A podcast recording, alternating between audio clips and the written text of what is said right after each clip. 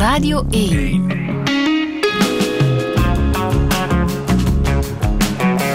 Douche. Met Friede Lesage. Touché met boomexperte Valérie Trouet. Goedemorgen. Goedemorgen, Friedel. Hoe gaat het? Uh, heel goed. Ik ben heel blij om hier te zijn. Ja. En eindelijk in het land voor een aantal uitgestelde lezingen. Die waren bedoeld, denk ik, voor het begin van onze coronacrisis. Toen het boek uitkwam, Wat bomen ja. ons vertellen.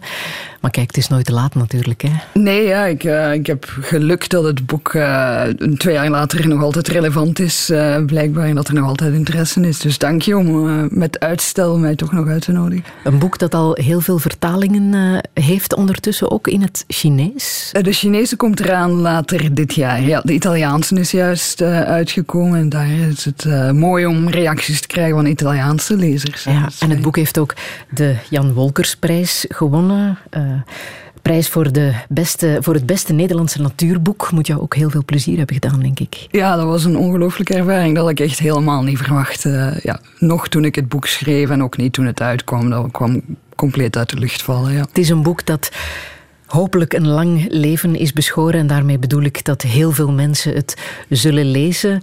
Inhoudelijk misschien dat we dat snel aan de kant kunnen schuiven. Want het is nogal uh, cruciaal wat daarin staat. Daar zullen we het straks wel uitgebreid over hebben. Ik zeg boomexperte, maar ik zou het ook met een moeilijk woord kunnen zeggen. Hè? Dendroclimatoloog. Hoe uh, verklaar je dat, dat, uh, die job precies? Dendroclimatoloog, wat doe je precies? Ja, goede vraag. Ik ben um, ik gebruik de jaringen in bomen um, om het klimaat van het verleden te bestuderen. Dus ik ben wel boomexpert, maar ik ben eigenlijk nog meer klimaatexpert. Dat is hetgeen waar ik het meeste van mijn tijd uh, aan besteed. Um, en ja, ik ben altijd wel geïnteresseerd geweest in klimaatverandering als student al. Um, en de Um, boomringen zijn een manier om het klimaat van het verleden te bestuderen. Dus daar, zo ben ik er eigenlijk in getuimeld. Ja. ja, en zo zit je ook onder de dendrochronologen. Dat klopt, ja. Dus, er zijn, dus dendrochronologie is eigenlijk uh, boomtijdkunde. Het bestuderen van het tijd of van het verleden aan de hand van de jaarringen in bomen. En daar heb je eigenlijk drie ja, de drie belangrijkste uh, toepassingen zijn enerzijds klimatologie, wat ik doe. Anderzijds ecologie, dus het bestuderen van de geschiedenis van bomen en bossen. En dan ook een heel belangrijke toepassing in de archeologie en de kunstgeschiedenis. Dus het bestuderen van jaringen om onze menselijke geschiedenis te bestuderen. En, het, wordt, is, ja. Het wordt helemaal interessant als die elkaar beginnen te overlappen natuurlijk. Voilà, inderdaad, dat wij dezelfde techniek gebruiken om die drie toch wel heel verschillende uh, facetten van de wetenschap te bestuderen. En dan kan je ook de interacties tussen die drie bestuderen. Ja. Hoe zou jij jezelf omschrijven? Um, ja, ik ben wetenschapper. Um, ik uh, ben een Belg die in de Verenigde Staten woont. Sinds kort ben ik dus ook schrijfster. Uh, um, kan ik daar aan toevoegen?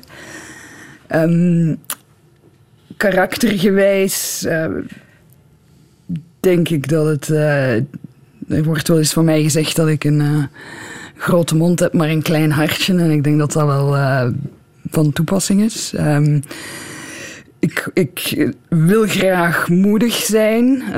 en ik denk dat ik ook wel energiek ben. En gedreven. maar aan al die dingen zit ook een een keerzijde? Een keerzijde. Dus ik ben wel ongedurig, ongeduldig. Uh, ook niet zo'n heel goede verliezer bijvoorbeeld. Nee. Maar dat komt omdat ik een heel sterk gevoel voor rechtvaardigheid heb ook. Dus ja. ja. Je bent geen boomknuffelaar, hè? Nee, ik ben geen boomknuffelaar. Nee, ik ben geen... Um, ik ben daar een beetje te pragmatisch voor. Ik denk, ik ben ook wel pragmatisch. Uh, het, ik ben heel oplossinggericht. Ja. Uh, ja. ja. Je komt natuurlijk wel heel vaak uh, in de buurt van bomen. niet om ze te knuffelen, maar om ze te onderzoeken. Um, je bent zelfs een vrouw die al in Botulu is geweest, als ik dat, juist uitspreek. Dat is in...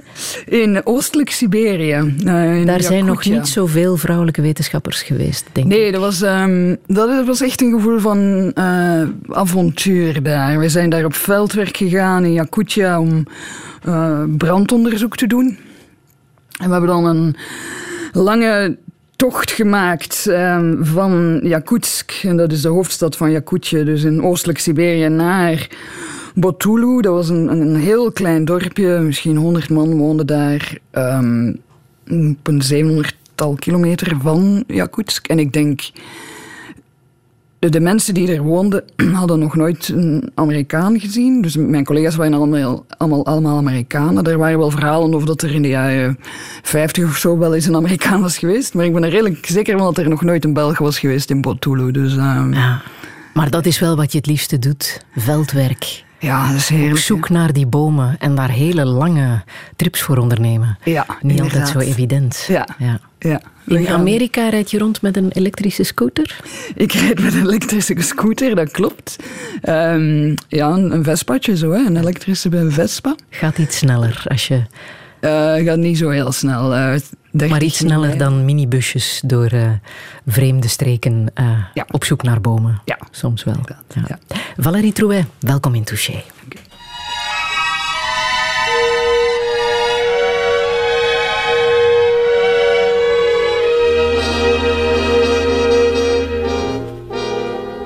Poinciana, your branches speak to me of love.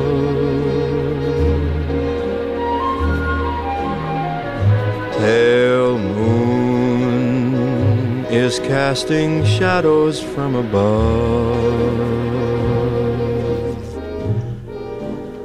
Poinciana.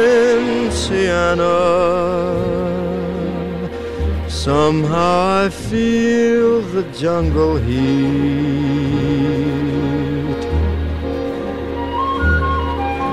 within me.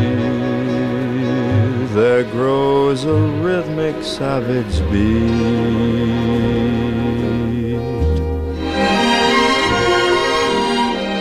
Love is everywhere, magic perfume fills the air.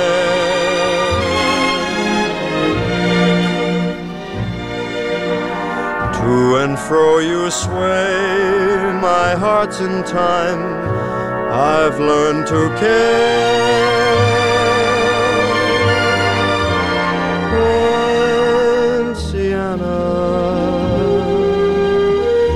From now until the dawning day.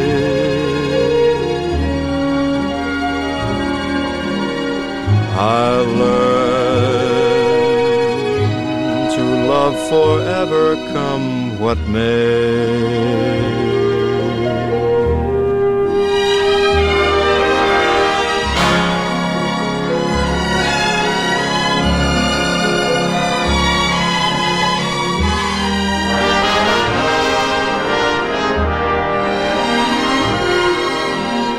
Love is everywhere its magic perfume fills the air.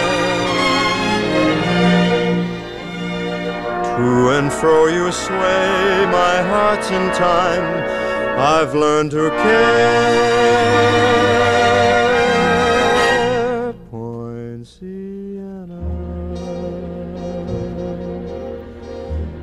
From now until the dawning day.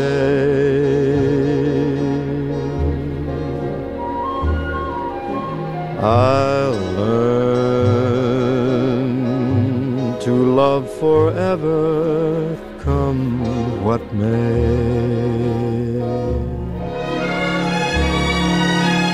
Frank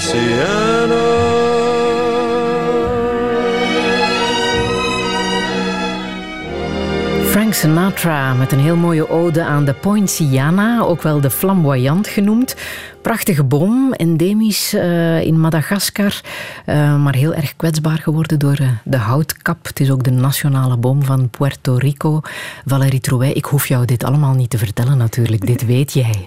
En je hebt trouwens ook een heel bijzondere band met deze boom. Ja, we hebben een... ik, ik ken de nummer niet, maar dank u om te spelen. Wij, hebben een Poinciana in onze voortuin staan. In Florida, En die, ehm, Zo'n prachtige boom. Ja, fantastische boom. Staat nu ook in bloei met echt heel mooie vuurrode grote bloemen. Ehm, ja, mijn buurmeisje heeft mij juist een foto doorgestuurd van onze Poinciana. Dus, uh, dat ben je nu aan het missen? Dat ben ik nu aan het missen, ja. Hij stond al wel in bloei toen ik vertrok. Dus hij staat al wel eventjes in bloei. Is het bijzonder dat hij daar groeit, in Florida? Ik denk dat hij daar, ja, die is daar aangeplant. Hè. Dat is een, een, tropische boomsoort natuurlijk. Dus die floreert daar wel letterlijk goed in het tropisch klimaat van Florida. Ja. Wat is volgens jou de mooiste boom? Goh. Want dat is al een hele mooie, hè? Uh, dat is een hele mooie, ja. Um, ja, ik heb natuurlijk... Ik vind, ik, ik vind eikenbomen um, echt prachtige bomen. Ook omdat die hun hout zo ongelooflijk mooi is. En dan kan je als dendrochronoloog niet onder de echt alleroudste bomen, dan kan je daar niet omheen. De Bristol Cone Pines, uh, die, die in het uh, westen van de Verenigde Staten groeien, die 5000 jaar oude bomen, die zien er ook echt ja, majestueus uit. Ah. Je schrijft over jouw bomenonderzoek in het uh, boek Wat bomen ons vertellen. En dat is ontzettend veel. Hè? Als je die verhalen leest, het is onwaarschijnlijk wat je allemaal kan aflezen uit de jaarringen van bomen. En jij doet dan enkel nog dat klimatologisch onderzoek.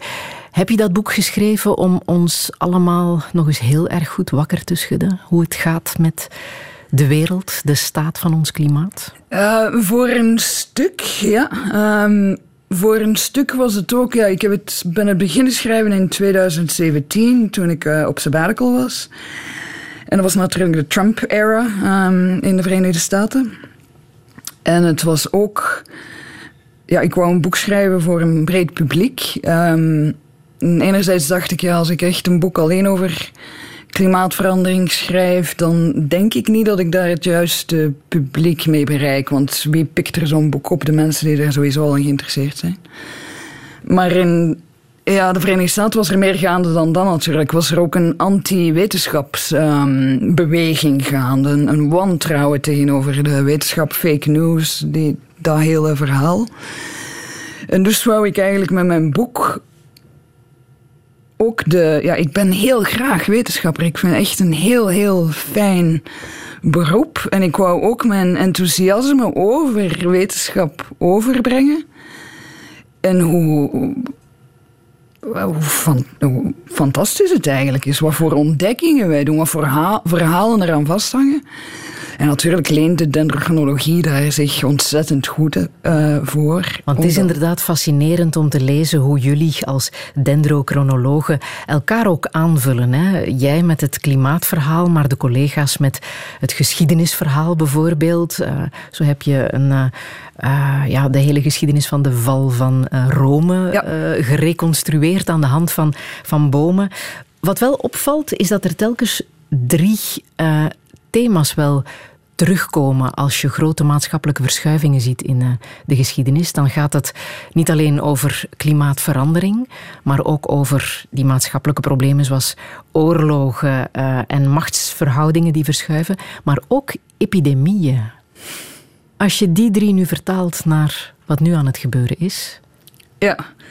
Inderdaad, het is niet de eerste keer in de geschiedenis dat we in een samenloop zitten van grote gebeurtenissen. Uh, klimaatverandering, periode van oorlog, uh, epidemie. Bijvoorbeeld in de 14e eeuw hebben we dat al eens meegemaakt in, in West-Europa. Toen was de 100-jarige oorlog aan het woeden, de, um, de pest uh, brak uit.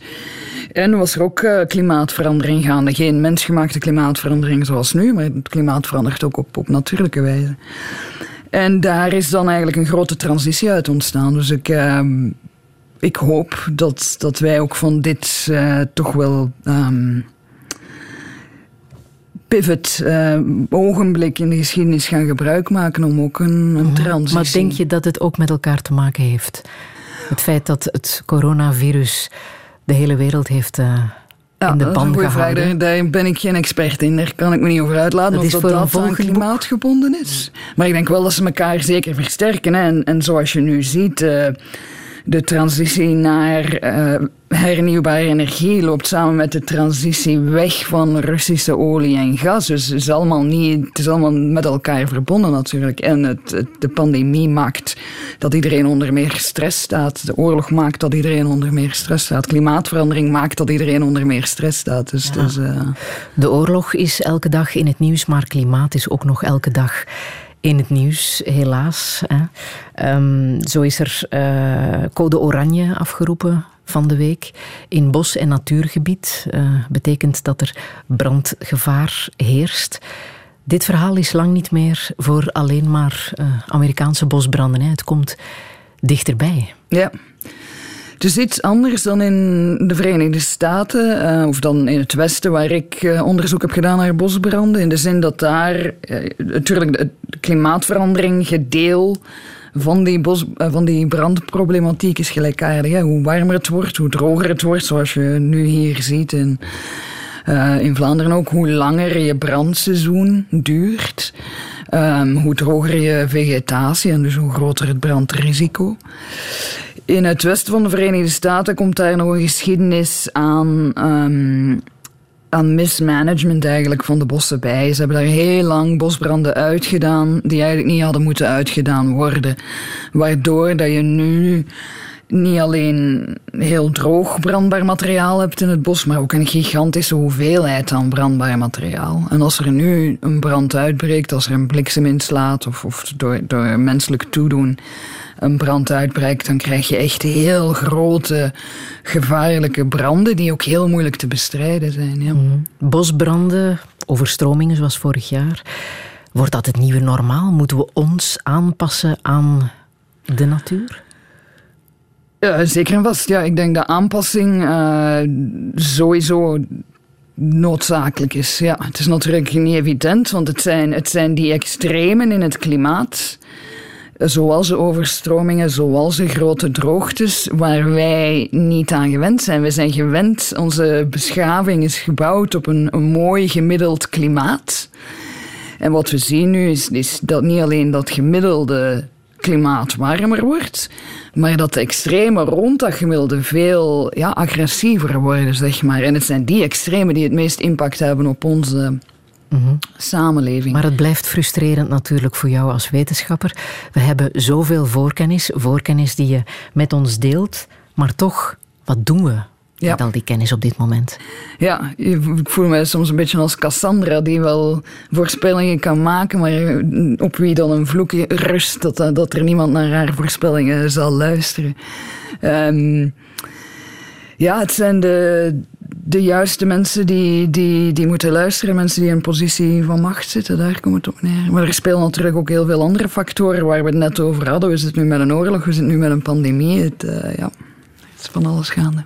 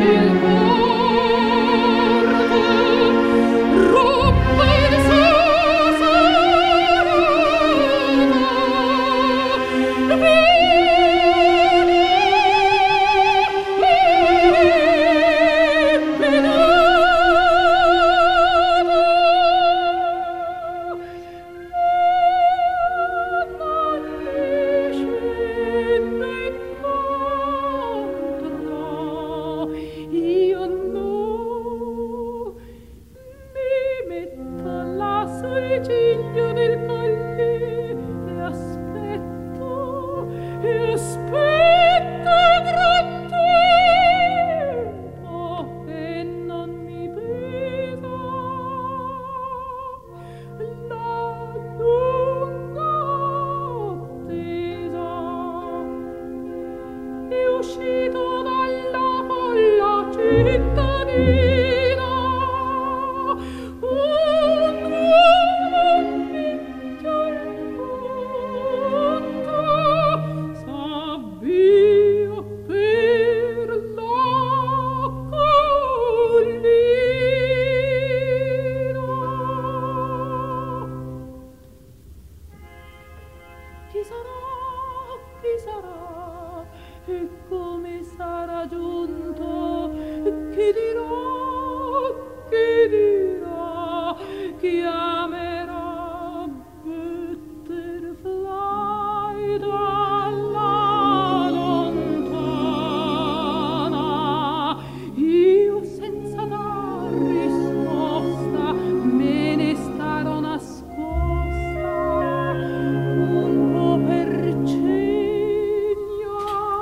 Bel di Verdemo, uh, bekende romantische aria uit de opera Madama Butterfly van uh, Giacomo Puccini.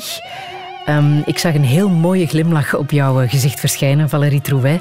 Hier hangt een bijzondere herinnering aan vast aan dit. Ja, dan uh, moet ik altijd aan mijn vader denken als ik uh, naar opera luister. En bijzonder naar Madama Butterfly dan. mijn vader was een heel grote opera-liefhebber. Uh, bij mij is het uh, lang met gemengde gevoelens geweest dat ik naar opera luisterde. Maar, uh, maar dit aan Puccini, Puccini is, is zo prachtig mooi. Het is ook... ja, we hadden het er juist over, over het klimaat en klimaatwetenschapper zijn. Het, het is voor mij ook een, een herinnering aan wat wij als mensen ook allemaal kunnen. Hè? Wat zo'n mhm. prachtige, prachtige dingen dat wij kunnen maken. Jouw vader was nog meer hè, dan alleen maar opera-liefhebber. Ja, ja, um, ja hij was de, ik ben de jongste van drie dochters, dus hij was vader. Hij, is, uh, hij was ook prof, dus ik kom wel uit een uh, ja, geprivilegeerde positie als wetenschapper. Hij was prof, hij was farmacoloog, kankeronderzoeker. Um, en ja, hij heeft wel echt een ik zeg dat ik geprivilegeerd ben, ben opgegroeid in de zin van dat ik een heel goed inzicht heb gekregen in, in wat het leven van een prof dan eigenlijk inhoudt um, en hoe dat dan is. Uh, en hoe is dat dan? Wat viel jou het meeste op als jong meisje? Dat hij heel gepassioneerd was uh, in wat hij deed. Heel hard werkte uiteraard, maar dat hij ook echt kon in opgaan. En ook in dat, het, hetzelfde wat ik heb in het onderzoek zelf, in het, in het ontdekken van dingen. Die, die, ik herinner mij dat hij soms thuis kwam en, en, en zei van ja, ik heb het gevonden. En, en, daar dan, en dat dan echt ja, wekenlang niet kon loslaten. En datzelfde gevoel heb ik nu soms. En dan denk ik, ah ja, oké, ja. dit is het. En, en hoewel hij een volledig ander vakgebied bezig was natuurlijk. Dezelfde nieuwsgierigheid en, en het, het streven, ergens naar streven en naar de wetenschap op zich. Dat, dat is niet met een... Um, op zo'n moment ben je niet per se bezig met een, met een groter doel voor ogen. Dan gaat het echt over ja, het nieuwe, nieuwe kennis creëren. Dat is, dat is iets ongelooflijk. Hij is gestorven in 2014? 2014, ja. Toen jij al in het buitenland zat? Toen woonde ik al in de VS, ja. ja was je er niet bij? Dan was ik er niet bij. Um, ik was toen beginnend prof. Um, en ik moest uh, heel veel lesgeven.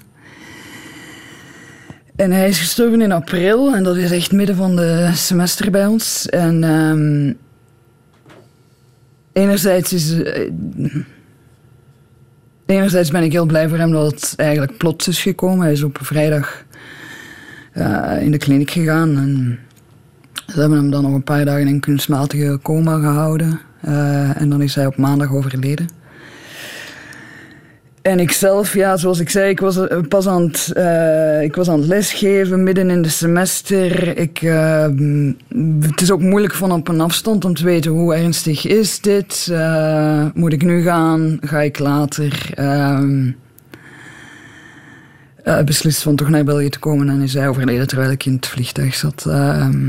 Ehm. is dat iets waar je rekening mee houdt dat dat kan gebeuren als je in het buitenland woont? Zeker wel. Dat is eigenlijk, denk ik, uh, iets waar iedereen die in het buitenland woont, die op afstand woont, um, ja, angst voor heeft of, of weet dat dat een onderdeel is. Dat is ook nu met corona nog, nog duidelijker geworden. Als je echt niet naar België kon, echt niet naar België voor, voor een lange periode. En dan besef je van, ja, als er nu iets gebeurt, dan, uh, dan is het echt, uh, echt niet goed.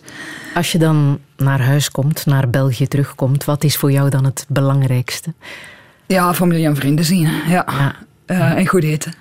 ja, dat is wat je mist? Ja, echt wel. Ja. Wel? Ja. ja. Uh, ik mis het eten en het... Uh, mensen, mensen zien die je al echt lang kent. Uh, ja, ik, ik, ik, verhuis dikwijls en dan betekent dat... Ik heb goede vrienden die, en, en, en een partner natuurlijk die mij al lang kennen, lang kennen, maar die kennen mij niet al 20, 30 jaar. Die hebben mij nooit gekend als kind. Die, die ja, die, die spreken hier Nederlands, dus die, die, um, de subtiliteiten van onze taal um, gaan dan soms verloren. Zat het altijd in jou om naar het buitenland te vertrekken? Ja, volgens mijn moeder wel. Ja? ja. ja. Um, dat vond ze misschien niet zo prettig. In het begin niet, nee. Uh, maar ik moet zeggen dat ze, het, het hangt ervan af. Want ik heb bijvoorbeeld, ik heb ook Erasmus gedaan in Duitsland. Dus ik ging als student al naar het buitenland. Toen ik dan op, um, voor veldwerk voor mijn mastersthesis en later voor mijn doctoraat naar Zuidelijk Afrika ben gegaan, dat vond ze niet zo fijn. Maar ik moet zeggen dat zij wel een van de personen is geweest die er mij toe heeft aangezet om bijvoorbeeld naar de VS uh, te verhuizen. Of toch, oorspronkelijk was het maar voor twee jaar. Um, dus ja, dus hoe aan mij. Ja. Uh, het boek um, Nooit meer slapen van Willem Frederik Hermans heeft er misschien ook wel toe bijgedragen. Want dat heb je gelezen als, als jong meisje. Ja, dat, dat lazen wij in het middelbaar. Hè? gaat over een onderzoek hè? Ja. in het buitenland. Inderdaad, inderdaad. En ik herinner mij dat. Um, dat mijn medestudenten, dat moet in het vijfde of zesde middelbaar geweest zijn, dat die allemaal zoiets hadden van, oh, oh my god. wat, een, wat een verschrikkelijke ervaring. Zoiets wil ik nooit meemaken. En ik had juist het omgekeerd. Ik had zoiets van, wauw, veldwerk gaan doen in Noorwegen op afgelegen gebieden. Dat lijkt mij fantastisch. Dus ja. Uh, ja, dat zat er toen precies al wel wat in. Ja. Hoe was het moment toen je echt vertrok? Toen de grote koffers klaarstaan om langdurig ja. naar het buitenland te vertrekken? Ja, het is, zo in, um, het is wat in fases gegaan. Hè. Dus ik, ben uh -huh. na mijn, ik heb mijn doctoraat hier in België afgelegd. Op uh, 23 december. En dan op 3 januari ben ik vertrokken voor een postdoc in, in de VS. Maar eigenlijk echt maar met de bedoeling van voor twee jaar te gaan en dan terug te komen. Dus dat was niet um, de bedoeling. Ja, ik ben sindsdien nooit meer in... Ik heb niet meer in België gewoond. Maar dat was niet de bedoeling. Ik ging echt maar voor een paar jaar gaan en dan terugkomen. Maar ja, zo toen schreef je belangrijke wetenschappelijke onderzoeken die gepubliceerd werden. Ja. En daar gaat je carrière dan natuurlijk. En daar gaat de carrière, ja. ja. En ook, ik denk ook, ja, na een tijdje woon je dan al... Weet je hoe het is om niet in België te wonen? Oh, ik moet ook zeggen, in een academische wereld, we hebben heel veel bewegingsvrijheid. Hè. Dus ik kan, ik kan ook wel voor een langere periode naar, naar voor een maand of twee maanden naar België komen. Dus dan naarmate de tijd vordert, merk je ook, ah ja, oké, okay, mijn Belgische vrienden zijn nog altijd mijn vrienden. Dus niet omdat ik verder weg woon, dat ik dan ineens daar geen, uh, ja... Dus, dus je raakt er ook aan gewend aan een ander soort relatie met... Uh... Je hebt een gedicht meegebracht. Ik heb een gedicht meegebracht, ja. Dat met dat vertrek te maken heeft. Ja, inderdaad. Um, ik heb het ik heb het um, teruggevonden toen ik um, naar Toesland verhuisde. En het, het, het, stond op een kaartje dat ik, bij, dat ik kreeg um, van vrienden van mijn ouders. Het, toen ik afstudeerde bij mijn doctoraat, om mij te feliciteren voor mijn doctoraat. En ik vind het echt een, een prachtige tekst en ik, ik, ik kijk er nog dikwijls naar. Dus Wil je het lezen? Boven mijn bureau, ja. ja. ja.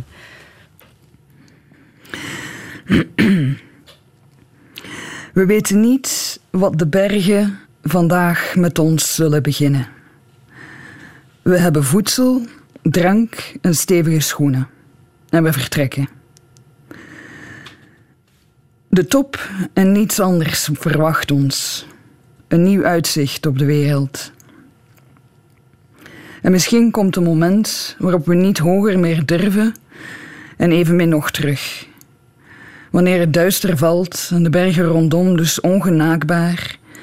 En wij die dat altijd al hebben geweten. Het is een gedicht van Mark Tritsmans. Het heet Risico. Ja. En het is heel erg to the point. Ja, ja het risico. Um, ik vertel dat ik, dat ik um, graag moedig wil zijn of mijn best doe om moedig te zijn. Ik vind dat dit het heel heel goed weergeeft. Het gaat natuurlijk niet letterlijk over ehm, bergexpedities, hoewel dat er, ook, ehm, dat er ook in zit natuurlijk. Maar het, uh, ja, misschien komt een moment waarop we niet hoger meer durven en evenmin nog terug. Dat, dat gevoel heb ik dikwijls, dat ik uh, denk van waar... De, ja zeggen uh, tegen de volgende stap, maar weten dat je niet per se nog terug kan, maar ook niet weten waar die volgende stap naar gaat leiden. Dus, Vandaar dat het nog altijd bij jou aan de muur hangt. Ja, ja.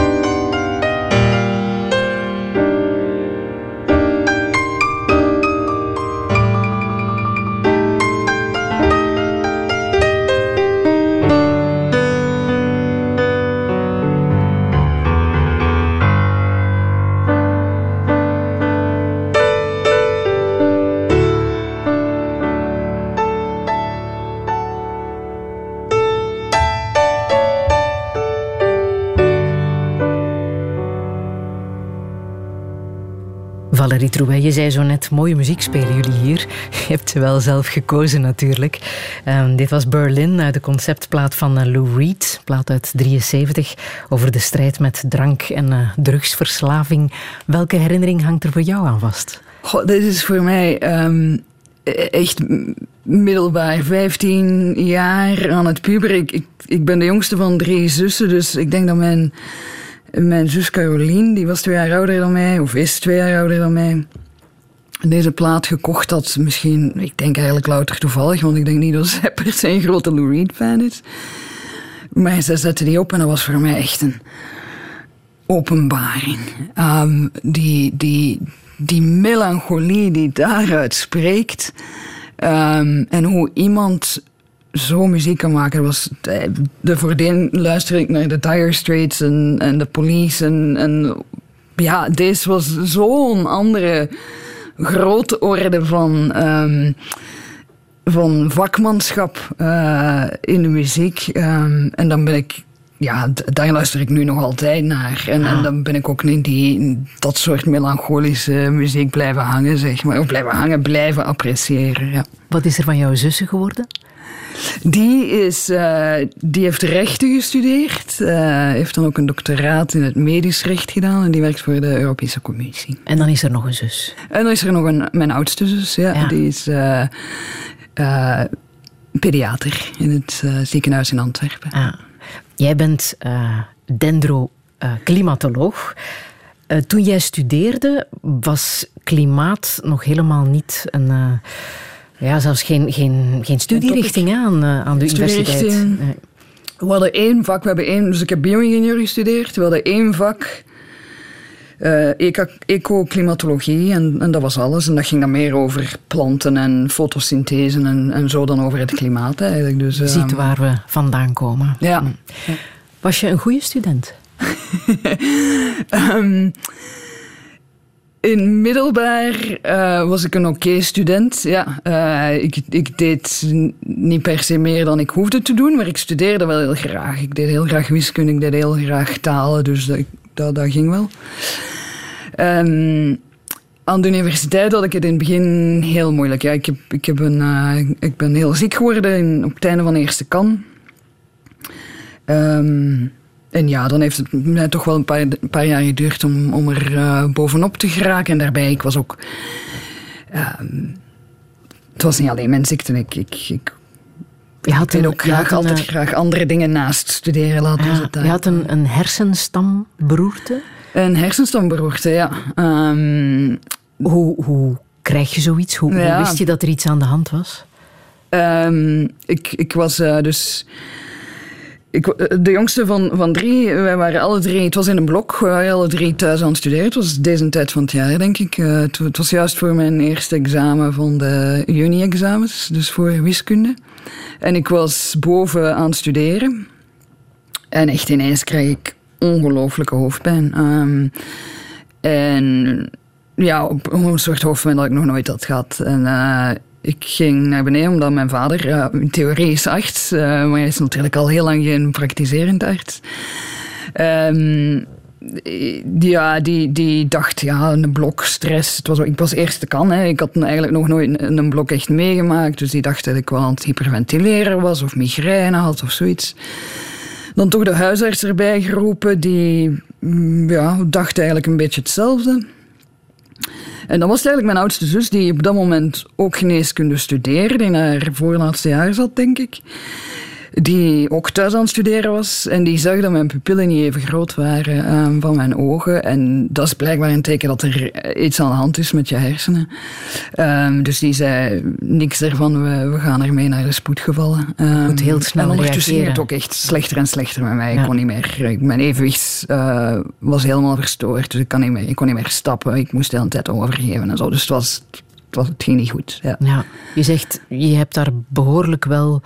Uh, ja, toen heel erg ziek van geweest? Uh... Ja, ik heb toen uh, heel, heel ja, maanden in uh, een maand denk ik in het ziekenhuis gelegen en dan een heel lange revalidatie. Ja, ja. dat ja. heeft wel eventjes geduurd. Voel je daar nu nog iets van? Um, de laatste tijd gaat het beter, omdat ik... Um, mijn slaapcentrum was heel erg verstoord. Dus heel lang sliep ik helemaal niet goed. Maar nu slaap ik met zo'n slaapapnee-machine. en dat, is, dat maakt een wereld van verschil. Um, en verder niks, niks groots, zo klein. Ik, voel, ik heb geen gevoel aan mijn rechterkant van mijn lichaam. Of ik voel geen pijn of geen warm en koud. Maar dat, is een, dat zijn um, kleinigheden eigenlijk. Ja, maar als je zoiets meemaakt op je... Je was 18? 18, ja. Dat is toch wel zeer confronterend. Jouw Heel leven moet nog ja. beginnen. Ja.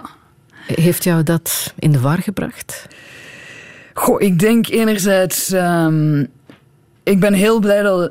Bon, als het mij moest overkomen, ben ik blij dat het mij toen is overkomen en niet nu bijvoorbeeld. Ik denk dat ik toen helemaal niet door had wat er gaande was, hoe ernstig het allemaal was. Bijvoorbeeld, ik, ik, ik lag in de kliniek en ik dacht dat ik al toch nog ging proberen die examens van die examenperiode mee te doen. was natuurlijk allemaal... Uh, iedereen rond mij wist dat dat niet zou gebeuren, maar ik zelf was een beetje in denial.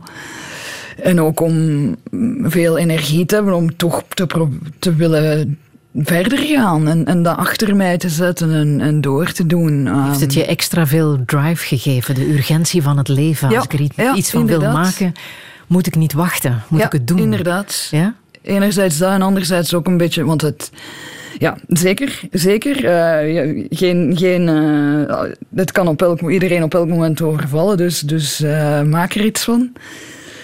En ten tweede ook wel de frustratie, want ja, de studeren ging dan wel niet goed. Ik, kon niet, ik had 14 uur slaap per dag nodig, dus ik kon mij niet concentreren, echt jarenlang. Um, maar ik wist dat ik op zich wel slim genoeg was. En ik denk dat veel mensen hebben met een leerstoornis, dat, dat je wel weet dat je niet dom bent, maar dat het het, het studeren zoals er van jou verwacht wordt, dat werkt niet. En ehm, ja, gefrustreerd, daardoor ook wel frustraties opgelopen aan de KU Leuven. Die proffen die, die dan wel... Ja, ik, ik ben nu zelf prof, ik weet, je hebt 100 studenten. Je kan niet voor elke student empathie voelen wat dat er in die, hun leven omgaat. Maar toch, dat, ja, ja, toch ook wel frustratie en, en het gevoel van ik zal, ik zal eens bewijzen wat ik allemaal uh, wel kan. Wacht maar, ja. Dat is ook gebeurd, hè? Dat is, ja. Om er maar eentje te noemen, je was een van de mede-ontdekkers van de Adonis. Ja. De um, oudste nog levende boom van Europa. Dat was in welk jaar? 2000? In 2015 hebben we hem gevonden in, in Griekenland. In de... Maar in hoeverre weet je dan, ja, met zekerheid, weet je nooit natuurlijk of het effectief de oudste nog nee, levende inderdaad, is? De, de oudste dendrochronologisch gedateerde um, boom. En, en dat is één boom, dus een, een um, Bosnische pijnboom die hoog in de bergen in Griekenland uh, groeit. Nu, daar staan heel veel Bosnische pijnbomen. Dat is wel een bomensoort die oud wordt. Adonis was dat, trouwens 1075 jaar oud in 2015, dus een beetje ouder al ondertussen. Um, en we hebben daar natuurlijk niet elke, elke boom aangeboord. Dus er is waarschijnlijk ook, zijn er nog wel nog oudere bomen. Maar dit, dit is de oudste die we... Ja, en dat aanboren, dat gaat effectief met een, met een boor, hè? Ja, met een handboor, ja. En die moet lang genoeg zijn. En die moet lang genoeg zijn, ja. Afhankelijk van welke soort boom dat je in de kern van de, van de boom geraakt. Ja. Ja, ja. Gaat het... Um, het gaat niet alleen over die ontdekking natuurlijk, maar over wat je daaruit kan aflezen. Ja, inderdaad. Natuurlijk, hoe ouder de boom, hoe langer de geschiedenis die je, is die je kan bestuderen. En die bomen in, uh, we hebben veldwerk gedaan in Griekenland, in Bulgarije en in Albanië. Um, die bomen daar, ja, die, die gebruiken we om onderzoek te doen naar de straalstroom en hoe dat die uh, in het verleden veranderd is uh, over Europa. Ja. ja, en dat is indrukwekkend, hè? wat je daar ook over ontdekt hebt. Ja, en ik vind het vooral uh, indrukwekkend dat je eigenlijk de straalstroom. Is, uh, zijn eigenlijk de winden die heel hoog boven het aardoppervlak, op 10 kilometer boven het aardoppervlak waaien. Maar die hebben belangrijke invloed op het klimaat aan, op het weer aan het aardoppervlak. Maar dat we dus eigenlijk de, de ringen in bomen uh, die aan het, op het aardoppervlak groeien, de individuele ringen, kunnen linken aan patronen die 10 kilometer, die over de hele hemisfeer 10 kilometer boven het aardoppervlak gebeuren, dat dat, dat, dat werkt. Dat was zo'n Eureka-moment. Je, je, je, je, stelt dan een hypothese. Ik denk, als we deze bomen nemen en die bomen nemen, als we die combineren, dat we daar wel gaan geraken. Maar op het moment dat je dan die gegevens naast elkaar legt en dat je, dat je ziet, ja, je, hypothese is uh, uh, bevestigd. Ja, dat is echt... Uh, ja, Krijg je dan felicitaties van je gewezen professoren? Goh. Niet gebeurd? Um, niet, niet, niet voor een specifieke paper. Eerder als ik ze nu tegenkom, dan, dan zijn ze wel. Um, ah. Zeggen ze wel hoe. hoe um, ja, maar het gaat ook niet alleen over successen natuurlijk. Hè. Ik kan mij voorstellen dat er ook heel veel dingen niet lukken in uh, wat jij doet. Uh, ja, voorstellen ja. indienen, budgetten aanvragen ja, die je niet krijgt om onderzoek te doen. Ja, dat is eigenlijk, uh, dat is eigenlijk iets wat je leert en, en, en, dat ik dan ook misschien vroeg geleerd heb in het begin van mijn studiejaren is ja, falen of mislukken is eigenlijk onderdeel van het, van het wetenschapper zijn. Um, niet alleen falen in experimenten, niet elke hypothese die je maakt komt mooi uit. Um, maar ook het, falen inderdaad. De, de slaagkans als je, als je een uh, fondsenaanvraag doet in de Verenigde Staten bij de National Science Foundation is ongeveer 10%. Maar je bent daar je bent daar maanden mee bezig om, om dat allemaal samen te stellen. En dan om heb alleen je nog maar de aanvraag kans te doen. Om, om, ja. Uh, ja, om, om de aanvraag te doen. Bij papers is hetzelfde. De, de kans, zeker als je naar de grotere wetenschappelijke tijdschriften gaat, de kans om daarin gepubliceerd te worden is ook redelijk klein. Dus we zijn eigenlijk constant... Falen is eigenlijk een onderdeel van ons beroep. We leren om daarmee om te gaan. Maar het helpt wel om dan ook eens een succes te boeken. Ja, natuurlijk. absoluut. Ja, Zonder succes, als het alleen maar falen was, dan, uh, dan wordt het wel echt moeilijk natuurlijk.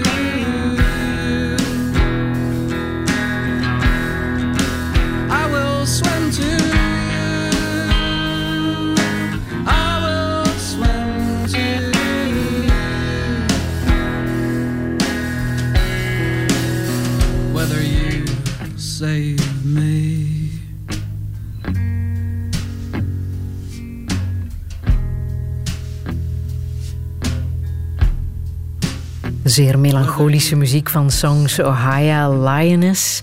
Valérie Trouvet, waaraan denk jij als je dit nummer hoort? Oh, en de, toen ik nog in België woonde, um, ik, ik, ik, die, ik zei al, melancholische muziek is wel mijn, uh, mijn dada, zeg maar. Ik, ik luisterde ook altijd naar Duister, naar Uiko Duister op zondagavond, was dat toen nog. Zal ze fijn vinden om te horen. Ja, ja. um, en hem... Um, heb ik ook wel een paar keer live gezien toen ik nog in Brussel woonde, Botaniek. Um, Fantastische optredens, uh, echt heel, heel indrukwekkend. Ja. ja. Is dat ook de muziek die jou ontspant na een drukke werkdag? Goh, um, um, ik, eerder, deze zet ik eerder bewust op, echt, om naar te luisteren. Eerder na een drukke werkdag zet ik... Ik luister eigenlijk nog redelijk veel naar, naar de radio, omdat er zo wat afwisseling is. Uh, deze, deze is echt een luisterervaring voor mij. Dat is zo meer iets wat ik bewust... Misschien zoals mijn vader op een, op een zondagnamiddag dan muziek ga luisteren. Zo. Maar om helemaal de knop om te zetten, wat, wat doe je dan? Um, dan ga ik uh, graag sporten eigenlijk. Dat is, uh, dat is hetgeen waar ik, als ik zo, hoewel dat ik op zich zo gaan lopen of gaan fietsen, vind ik op zich niet zo heel plezant. Maar dat is echt wel het enige moment waarop ik echt niet nadenk. Niet kan nadenken, omdat ik dat hard, te hard moet afzien met het sporten.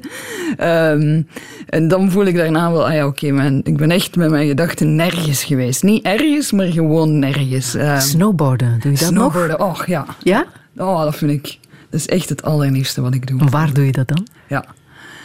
Um, wij proberen ook wel elk jaar ja, te gaan. We zijn nu deze, zo, uh, deze winter geweest in Arizona. In het noorden van Arizona kan je ook, uh, kan je ook snowboarden. En wat vind je daar zo geweldig aan, aan het snowboarden? Ja, de, het... Uh, de flow waar iedereen naar uh, op zoek is of naar streeft, um, dat is voor mij. Bij, sommige mensen vinden het wanneer ze werken of, of schrijven. Ik, ik moet toch nog altijd te veel moeite doen als ik, als ik aan het schrijven ben. Maar als ik snowboard, dan ja, dat is echt, dat is echt de flow. Ja. Ah, als je boeken leest, lees je dan ook de boeken die niks met wetenschap te maken hebben? Ja, meestal wel eigenlijk. Ik ben echt een uh, fervente fictielezer. Ik ben natuurlijk wel non-fictie beginnen lezen um, toen ik dan besloten had om zelf een non-fictieboek te schrijven. Toen dacht ik, oei, misschien moet ik toch eens zien hoe andere mensen dat doen. Um, en nu, nu lees ik wel meer non-fictie dan vroeger. Uh, maar, maar de meeste non-fictie die ik lees, merk ik, is is geschreven niet per se door wetenschappers, maar door um, ja, wetenschapsschrijvers of, of journalisten. Um, dus echt maar je leest graag detectives en daar wil ik eigenlijk naartoe. Je leest heel andere dingen, je leest graag detectives. Ja, ja inderdaad. Ja, dat is, is dat uh, om even de knop om te draaien? Ja, absoluut. En dat is echt... Um, ja, Die zoeken ook, hè? Daar ja. wordt ook gezocht. Ja, inderdaad, inderdaad. En dat was eigenlijk een van de mooiste complimenten. Dat hebben verschillende mensen mij gezegd. Jouw boek leest eigenlijk een beetje als een detectiveroman. Ja. En dat was helemaal niet mijn opzet. Ik, ik, ja, dus dat was eigenlijk heel fijn om te horen. Ja. ja. Series kijken doe je ook heel ja, graag? Ook heel je hoeft je niet te schamen hoor. Nee, welke welke series uh, kan je zo bekijken in Amerika die jou uh, een plezier doen? Um, ik, heb, uh, ik, ik, kijk heel graag naar humorvolle um, series. dat is dan minder een serie, maar af en toe is een, een aflevering. Dus uh, ja, Shit's Creek vind ik heel fijn. Dat is een, een Canadese uh, serie. Parks and Recreation vind ik echt fantastisch. Maar ik weet niet of dat, dat hier... Dat is eigenlijk heel Amerikaans. Dat speelt zich zo ja. in een Amerikaanse ambtenarij, zeg maar, in een klein dorpje. Um, en wat is daar dan zo goed aan? De situatiehumor en de karakters die zo herkenbaar zijn, maar zo uitvergroot zijn. En, en, en natuurlijk, uh, ja, bij, bij um, Parks and Recreation, het hoofdpersonage is Amy Poehler. Uh, zij is een actrice die ook nog bij Saturday Night Live gespeeld heeft, een, een -huh. uh, comedienne. Ja, en die is echt...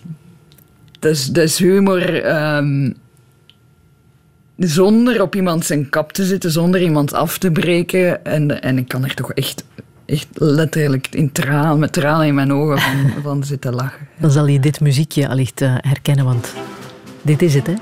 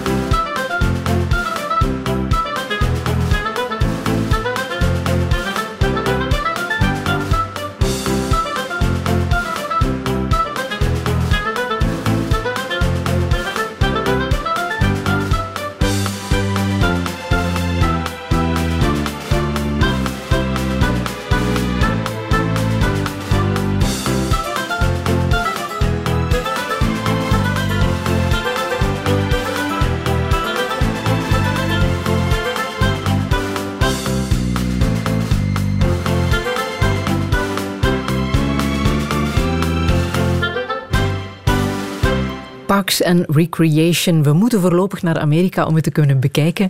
Je hebt dan dat voordeel wel, dat jij het eh, thuis kan bekijken, Valérie Trouet. Uh, Derry Girls stond ook nog op oh, ja, die, ja, dat kunnen we hier wel zien, ja. Ja, onlangs bekeken. Echt oh, hilarisch. ja, in, in Ierland, speelt zich af in Ierland, maar ook zo ongelooflijk herkenbaar. Wij praten zo meteen verder. Radio 1. Touché.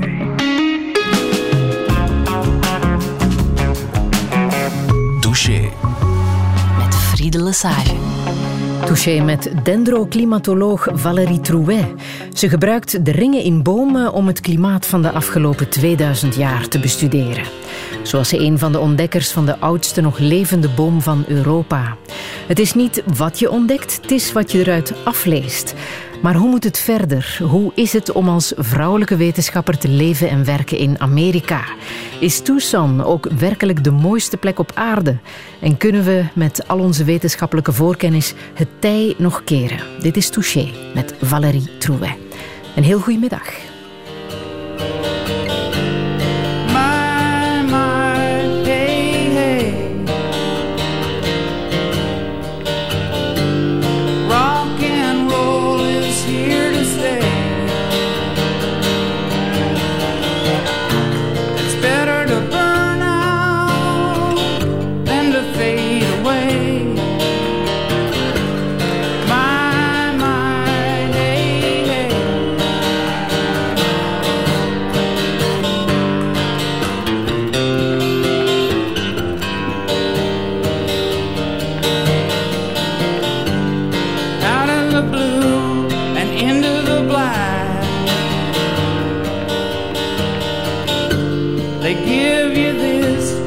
Pay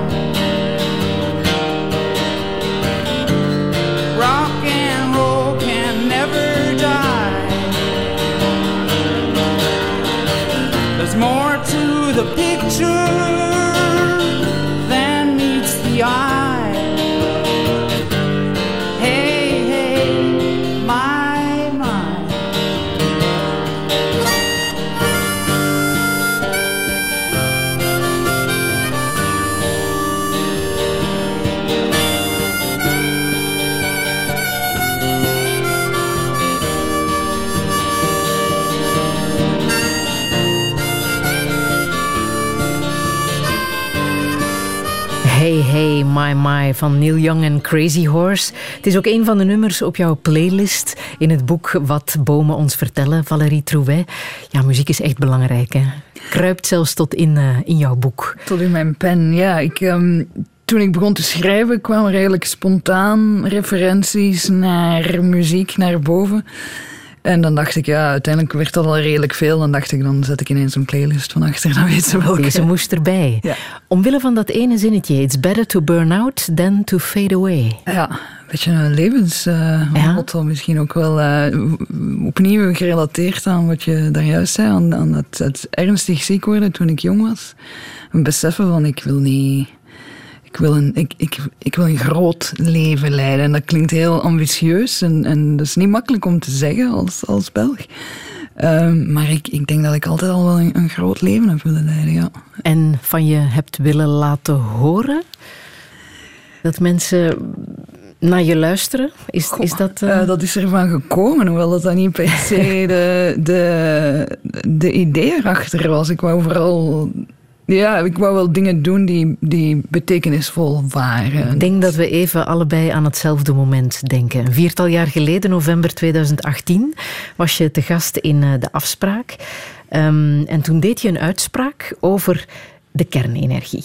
Zal ik even laten horen. Ik denk eigenlijk gezegd dat we, als we het doel willen bereiken dat we moeten bereiken binnen de tijd die we nog hebben, nog hebben dat we niet onder kernenergie onderuit kunnen. Ja. Touché. Kernenergie, we kunnen daar niet onderuit. We zijn vier jaar later. Sta je nog altijd achter die uitspraak?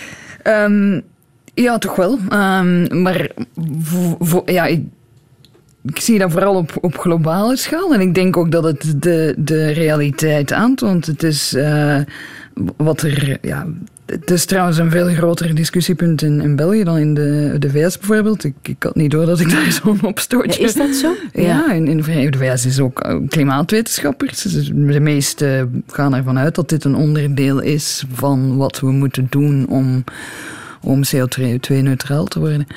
Um, ik denk dat je nu ook ziet, het is, ja, het is geen...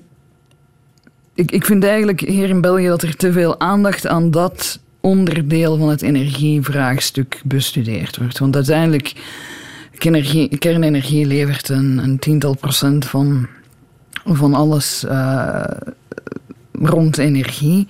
Dus er, er is 90 procent waar, waar ook veel aan kan gedaan worden.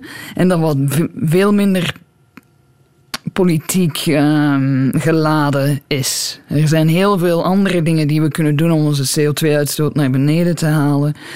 Waar je niet zo. Ja. Kernenergie of fossiele energie, it's, it's a rock and a hard place, om het opnieuw met Neil Young zijn woorden te zeggen. Er bestaat geen mooie, elegante oplossing voor dat stuk van het vraagstuk. En over kernenergie gesproken, dan heb je het ook over nieuwe kerncentrales waar afval wordt uh, verwerkt. Uh, ja. Dat is ook wel een, een belangrijk punt natuurlijk ja, dat jij inderdaad, wil maken. Ja, inderdaad. Of, of dat we dan inderdaad... Eh, en daarom wou ik ook zeggen... Goh, ik, ik bedoel dat niet per se op de schaal van Vlaanderen of België. Ik vind dat dit soort energie, ja, energieproblemen beter op grotere schaal worden uh, aangepakt. Om, of, als je mij vraagt, moeten wij 40 jaar oude kerncentrales in het dichtstbevolkte land uh, van Europa openhouden? Dat is een heel andere vraag dan. Uh, moet kernenergie een onderdeel van, van het energievraagstuk worden om, om, klim, om het klimaatprobleem aan te pakken? Het zijn twee verschillende dingen. Dus maar de politieke verantwoordelijken die vinden dat te duur.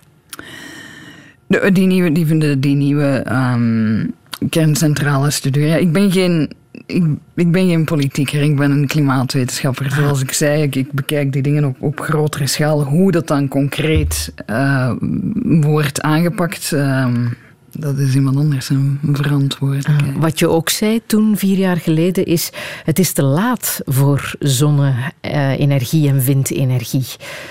Ja, mijn woorden zijn toch een klein beetje verdraaid te laat. Ik had gezegd voor, voor hernieuwbare energie alleen.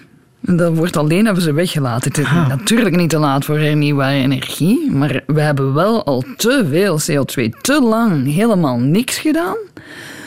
Om dan nu er alleen nog, om, om nu die ommedraai heel snel eh, snel genoeg te kunnen, te kunnen maken. We hadden al veel vroeger veel meer moeten investeren in hernieuwbare energie. Dan zaten we nu niet met dat probleem. Nu zitten we ten eerste met veel te veel uh, opwarming en CO2 al in de atmosfeer. Zolang dat we, als we nog, ja, dat we echt uh, heel, heel snel die omdraai moeten maken. Mm. Individuele acties zoals zonnepanelen plaatsen, daar ben je nog altijd voorstander van, voor alle duidelijkheid. Ja, absoluut. Ja, ja verstaan we niet verkeerd. Ja, ja. Maar kost ook geld, hè? is niet voor iedereen. Ja, um, dat, dat, dat is waar. En daar is er ook dan een rol voor de overheid weggelegd om, om ja. het, het, meer betaalbaar te maken voor meer mensen. Ja. En uh, ik, wil ook wel, ik wil er toch ook wel aan toevoegen.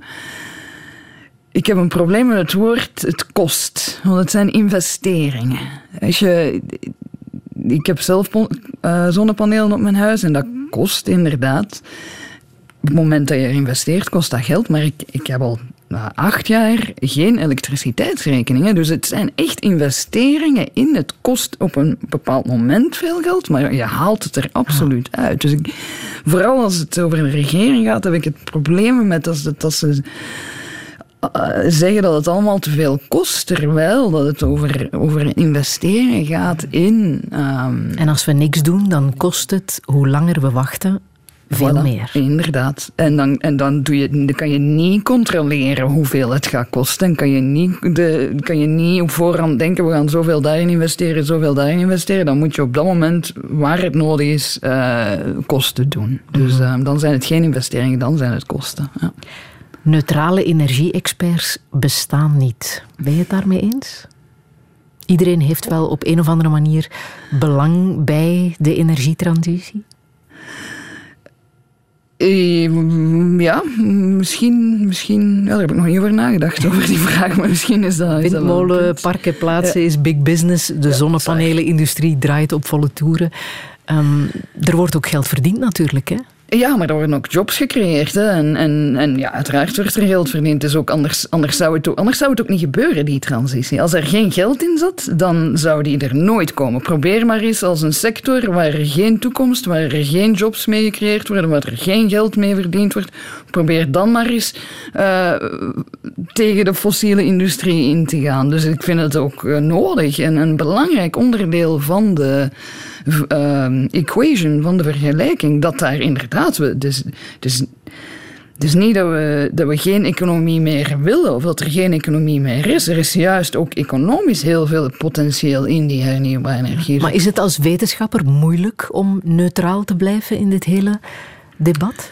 Want dit soort vragen krijg je natuurlijk. Ja, ook, maar als wetenschapper is het. Als ik. Um, ben ik neutraal als ik zeg ons klimaat is aan het veranderen en wij liggen daar aan de oorzaak aan en wat wij we weten wat we eraan moeten doen, dat is onze CO2 naar, naar beneden halen. Dat zijn wetenschappelijke feiten. Is dat dan neutraal? Ja, dat is, dat, dat is dat is wetenschap. Dus het, het, is gepolariseerd omdat iemand anders er uh, een ander idee over heeft. Maar de wetenschappelijke feiten zijn er. Dat is, dat is geen. Ik ga daar ook niet mm-hmm. over liegen. Het is duidelijk dat we, dat we koolstofdioxide.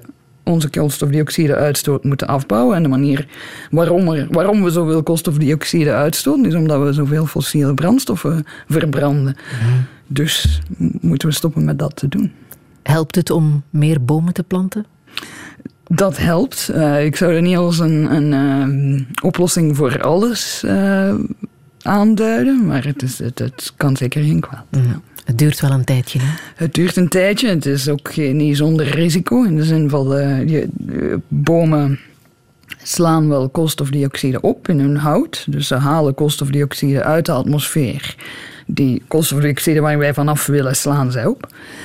Maar als je als er een, grote brand uitbreekt, dan gaat al die koolstofdioxide gewoon terug de atmosfeer in. Of als, eh, als uw boom sterft omdat hij niet genoeg water heeft, omdat we in een droogteperiode zitten, al die, al die CO2, dan is het een nuloperatie. Dus het is, het is niet alsof dat je. Die, als je denkt aan fossiele brandstoffen, dat zijn eigenlijk de restanten van. Uh, bossen en, en andere organismen die over miljoenen, miljoenen, miljoenen jaren geleefd hebben, allemaal in de ondergrond terecht zijn gekomen en die we dan nu in 100 jaar tijd hebben opgebrand. De illusie dat wij met nu, zelfs als we de hele aarde zouden volplanten met bomen, die miljoenen jaren aan, aan, boom, aan bossen kunnen ja, uh, ongedaan maken, zeg maar, dat is een illusie. Dat is, dat is echt zeker niet genoeg.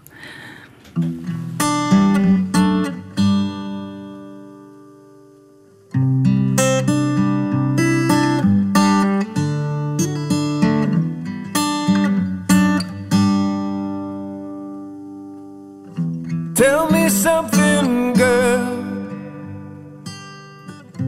Are you happy in this modern world? Or do you need more? Is there something else you're searching for? I'll falling. In all the good times, I find myself longing for change. And in the bad times, I fear myself.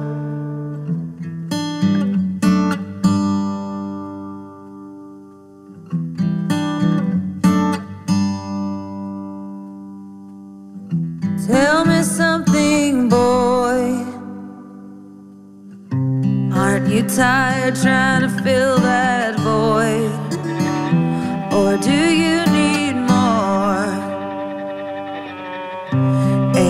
Hard keeping it so hardcore?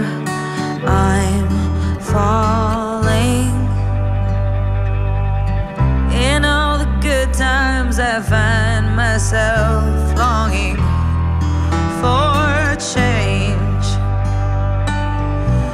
And in the bad times, I fear myself.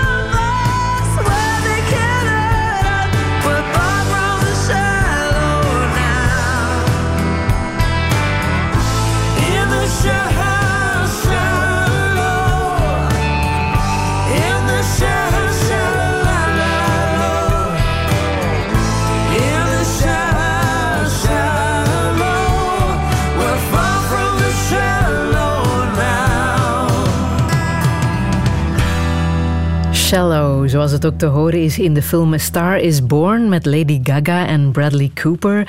Valérie Trouvet, een nummer dat voor jou door merg en been gaat? Ja, ik, ik heb er net nog eh, naar geluisterd op weg naar hier en ik kan dat echt op repeat zetten en letterlijk twintig keer naar elkaar beluisteren en het nog niet beu zijn. Ik vind Lady Gaga echt eh, de max. ja? ja? Je zou zelfs de Lady Gaga van de klimaatwetenschappen willen zijn. Hoe cool zou dat zijn? Ik vind die echt zo inspirerend. Die kan echt alles. Die, kan, die zingt de pannen van het dak. Die acteert de pannen van het dak. Die blijft haar eigen. Die heeft haar eigen stijl. Die heeft haar eigen... Ja, die herken je overal. Ja, ik vind die echt een heel, eh, heel coole vrouw. Ja, dat acteren, dat had jij ook wel gewild, hè? Dat had ik ook wel gewild. ja? Ja, ik... ehm, Was je er goed in?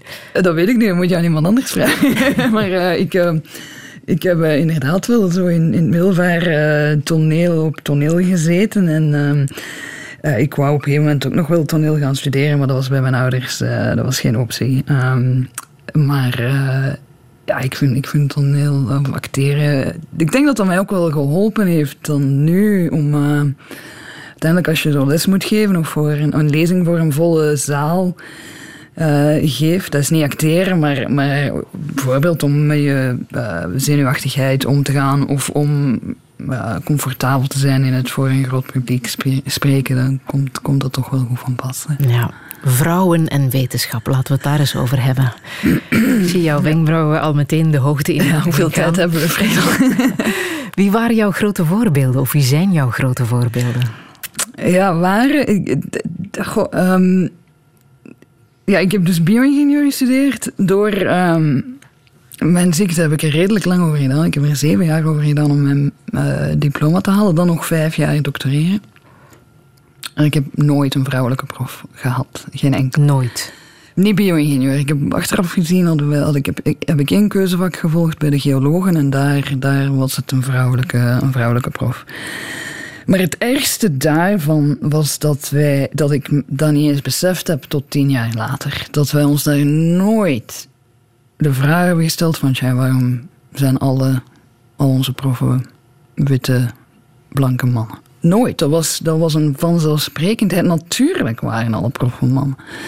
Het was dan ook helemaal niet... Het is nooit mijn bedoeling geweest om prof te worden. Of, of, of nooit een ambitie geweest. Omdat ik niet dacht dat dat een optie was voor... Maar je zegt tien jaar later begon het mij ineens op te vallen. Ja, toen het begon. Ja, ehm, nu is er natuurlijk ook veel meer sprake over vrouwen in de wetenschap, zowel in de VS als hier. Begin je over na te denken. Dan krijg je soms eens de vraag: wie, wie waren jouw rolmodellen? Of als je zelf mm, het, het- een rolmodel bent, dan denk je: ja, tja, mm, nee, geen vrouwen.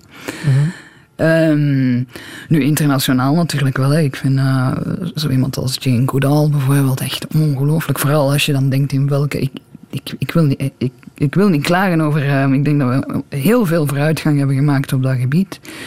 Ehm, als je denkt aan, aan iemand als Jane Go- Goodall... die daar in de jaren zeventig op haar eentje in eh, Afrikaanse bossen... chimpanseeonderzoek ging doen.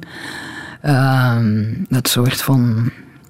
Ik denk wel het soort van seksisme, uitgesproken seksisme, dat, dat eh, vrouwelijke wetenschappers van de generatie en generaties voor mij hebben meegemaakt. Ik denk dat, dat mijn generatie daar voor een groot stuk van gevrij, gevrijwaard is gebleven. Of dat dat toch nu veel minder aanvaardbaar is. Ehm, Maar merk je nog vooroordelen tegenover Voordelen zeker. Dat is iets heel anders dan. Ja, voordelen is iets heel anders Mhm. dan, ehm, dan, dan uitgesproken expliciet seksisme. Ehm, ja, de, de, de bias, de voordelen. En dan heb ik het niet alleen tegenover vrouwelijke wetenschappers. Ik heb dan het geluk dat ik, dat ik een ge- geluk eh, dat ik een blanke vrouw ben, dat ik een, een, familie of een, familiegeschiedenis heb in, in de academische wereld, wat allemaal helpt. Ehm, de vooroordelen tegenover mensen van kleur zijn, zijn eh, nog groter dan, dan tegenover vrouwen natuurlijk. Maar die, die zijn, en die zijn grotendeels impliciet. Dus heel dikwijls ehm, niet met opzet. Eh, ik, ik, ik ben er zeker van dat ik ook impliciete vooroordelen eh, eh, binnen, binnen mijn professionele wereld eh, soms heb. Ehm, maar, maar die stapelen zich zo op. Daar gaat het om. Het is eigenlijk elk onderdeel van de carrière van een wetenschapper, en daar is overal wetenschappelijk onderzoek naar gebeurd. Elk onderdeel eh, draagt wel een voordeel met zich mee. Als je bijvoorbeeld ehm, om prof te worden, wordt er heel erg gekeken naar hoeveel publicaties je hebt. Als je dat, als je dat vergelijkt, hebben vrouwen meer publicaties nodig dan mannen om prof te kunnen worden, gemiddeld. tegelijkertijd dat, dat het hele proces om eh, een publicatie, te, een wetenschappelijke publicatie te publiceren, dat is opnieuw op zich al een opeenstapeling van vooroordeel. Vrouwen worden minder gevraagd om, om co-auteur te zijn op een, ehm, op een paper. Als je de paper dan indient, dan ja, alle, alle editors-in-chief zijn allemaal, eh, van alle journals zijn allemaal zo'n 80% mannen. De, de, het peer review process is, is vol vooroordelen tegenover vrouwen. Je wordt minder geciteerd als je een vrouwelijke wetenschapper bent. En voor al die stappen is allemaal wetenschappelijk onderlegd. Er, zijn, er is onderzoek naar gedaan. En dus het is echt een ja, een opeenstapeling, opeenstapeling een, een hindernissenrace, uh, die, waar veel meer hindernissen gelegd worden op het pad van vrouwelijke uh, wetenschappers en, en, zeker wetenschappers van andere minderheden ook, um, dan, dan voor uh, ja. ja. de, ah. de doorsnee. Je hebt veel gehad aan het boek Lab Girl van uh, Hope Yaron, denk ik. Een Amerikaanse geochemicus, geobioloog. Ja. Wat heb je uit dat boek gehaald dat jou heeft gesteund en ja, gestimuleerd? Een, uh, een, heel goed boek. Ik weet niet hoe het in het Nederlands uh, vertaald is. Um, het is ook een beetje een controversieel boek wel. Want het is, um, goh, ik denk een ik denk dat het misschien in 2015 of zo geschreven is, een paar jaar voor ik um, mijn boek schreef. Maar zij vertelt over haar wetenschap, haar tak van de wetenschap, de geobiologie. Maar ze vertelt ook over, en nog veel meer dan ik in mijn boek, ook over haar leven als wetenschapster en ook haar persoonlijk leven en haar vriendschap en zo allemaal. En, en dat is wel het eerste boek, denk ik, tenminste door een vrouwelijke wetenschapster zelf geschreven. Het is ook echt goed geschreven waarin niet alleen de wetenschap zelf op een sec, uh, op een secke manier wordt beschreven, waarin het ook haar persoonlijke ervaringen daarin verweven worden. En zelfs, zoals ik zei, is een beetje controversieel, want ze schrijft ook over uh, depressie en sommige manieren waarop zij met haar, uh, als prof met haar studenten omgaat, zijn, zijn niet, worden niet per se als kosher beschouwd. Um, de, de, het, het, gaf toelating aan mij en aan andere uh, schrijvers sindsdien ook om een, een, een, boek over onze wetenschap te schrijven dat niet alleen maar 100% over de wetenschap alleen gaat. Dat ook uitbreidt naar, naar ja, het leven van een wetenschap. En in hoeverre is dat voor jou herkenbaar, die struggle en misschien zelfs depressie, dat weet ik niet. Want je zei zo net, ik heb een sabbatical genomen in 2017. Dat had wel te maken met het feit dat je het even niet meer zag zitten. Hè? Ja, ik denk dat dat is ook een reden waarom, um, waarom ze sabbaticals inlassen. Hè. Het is, een, het is, het een, een, een, harde job en, en, veel andere jobs zijn ook heel hard. Hè. Ik wil er niet te veel over klagen, maar um, de de job van klimaatwetenschapper op zich uh, is, is, kwam even na, na zes jaar prof zijn, had ik, had ik even nood aan een break. Dus je bent echt elke dag actief bezig met, met de klimaatproblematiek. En dan ook waar we het er net over hadden. Het, het zien gebeuren, het zien erger worden en tegelijk zien dat er, ja, en opnieuw, het was tijdens de Trump-era, dat er niet alleen niks aan gedaan wordt, maar dat er eigenlijk ook nog eens tegen, ja, tegen gevochten wordt, zeg maar. Dus dat was, um, ja, ik had na zes jaar even uh, nood aan een break, ja. Ja, nuttig besteed? Dat ja, er is een boek uit voortgekomen. Dus, um. dus helemaal losgelaten heb je het niet, hè? Nee, maar het was wel bewust. Um, ik, uh, ja, dus het, het, het, boek is, te, uh, is gekomen omdat ik aan het begin van mijn sabbatical... Ik, ik, ik, was eigenlijk niet van plan om een boek te schrijven, maar ik kreeg een e-mail van mijn redacteur, um, die nu mijn redacteur is bij, bij Johns Hopkins University, of ik dat wou doen. Expliciet met de vraag voor een boek voor een breed publiek. En uh, voilà, ja, dat is er, dat is er dan maar gekomen.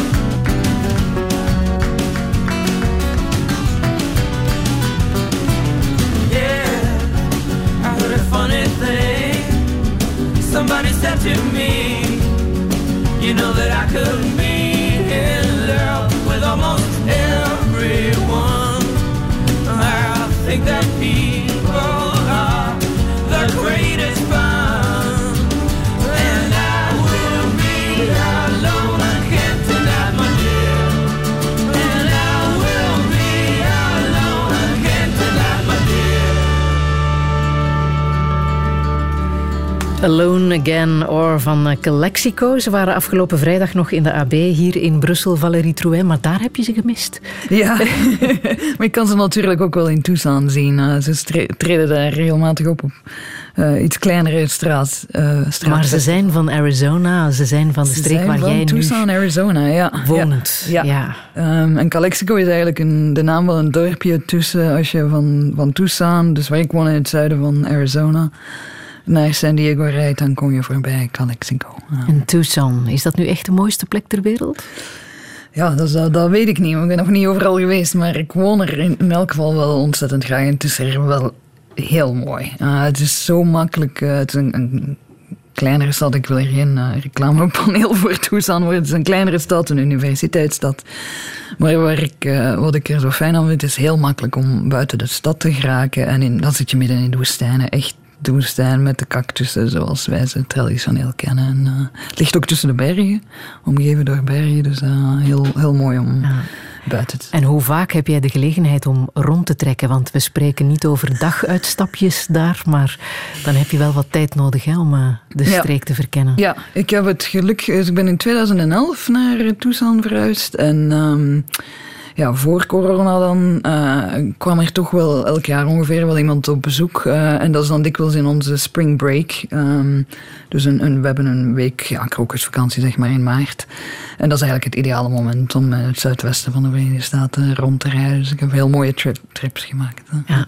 Zuidwesten, dat is dan uh, ja, niet alleen Arizona, maar je kan ook verder doorreizen naar New Mexico. Ook ja. absoluut ja. moeite. Oh, vind ik ongelooflijk New Mexico. Dat is denk ik mijn uh, lievelingsstaat uh, in de ja? Verenigde Staten. Dat is vooral het noorden van New Mexico is uh, heel dun bevolkt in... in um, in Europa eigenlijk helemaal niet zo bekend, maar een van de langst. Um, uh, een van de oudste steden van, van uh, de Verenigde Staten is Santa Fe, ligt in um, het noorden van New Mexico. Je hebt er ook fantastische die landschappen, dat is echt dat is niet normaal. Uh, echt ongelooflijk mooi. Ook prachtig verbeeld door uh, de kunstenares Georgia O'Keeffe. Georgia O'Keeffe, inderdaad. Ja. Ja, een vrouw die in de ja, jaren dertig um, uh, prachtige kunstwerken maakte. Die woonde daar. Ja, toen was natuurlijk New Mexico nog, nog veel afgelegen dan, dan nu. Um, een vrouw met heel veel karakter. Uh, Ze is 98 geworden. Dus ja, heel oud geworden. Dat ook echt, ja, een, een zoals ik daarnet over Lady Gaga zei, een vrouw met haar eigen stijl, met haar eigen. Um, ja, week niet af om, om aan normen te moeten voldoen of zoiets. En is toch heel succesvol geworden. Ja. ja, en ook de Presidential Medal of Freedom uh, gekregen, wat uh, niet zoveel is uh, gegeven. Is ja. ja. Je hebt ook haar werk en haar, haar atelier en zo daar bezocht. Ja. Dat is nog altijd te bekijken daar. Ja, inderdaad. Dus er is een, ik ben in 2014 zijn mijn tante en onkel op bezoek gekomen. Um, en dan zijn we een roadtrip gaan maken naar New Mexico. En in Santa Fe heb je het Georgia O'Keeffe Museum. En dan daar een goh, 50 mijl, 80 kilometer vandaan is Ghost Ranch waar zij werkte. En dat is ja, midden tussen de, de New-Mexicaanse ja. landschappen. Heel. In hoeverre is dat nu jouw thuis ondertussen? Kan je ah, dat zeggen? Goeie vraag, hè? Um, ja.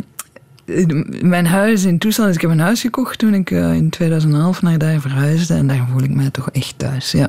Na, na een tijdje, als ik, zoals nu ben ik dan, zal ik een viertal weken hier zijn, dan begint het toch te kriebelen en uh, wil ik toch ja, terug. Ja. Want je hebt een lange afstandsrelatie. Ja, ja. Niet met een Belg, maar met, met een, Amerikaan. Amerikaan. Ja, ja. Dat is daar de afstand die je vaak moet overbruggen. Ja, inderdaad. Wat is de afstand?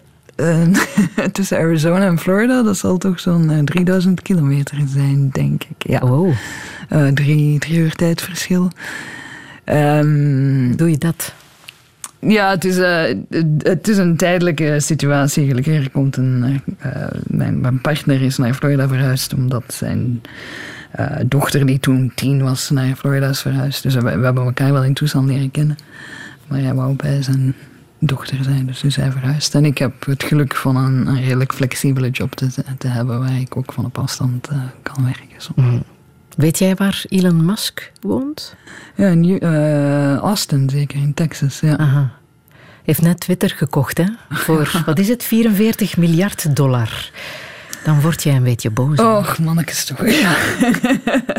Eh, ja.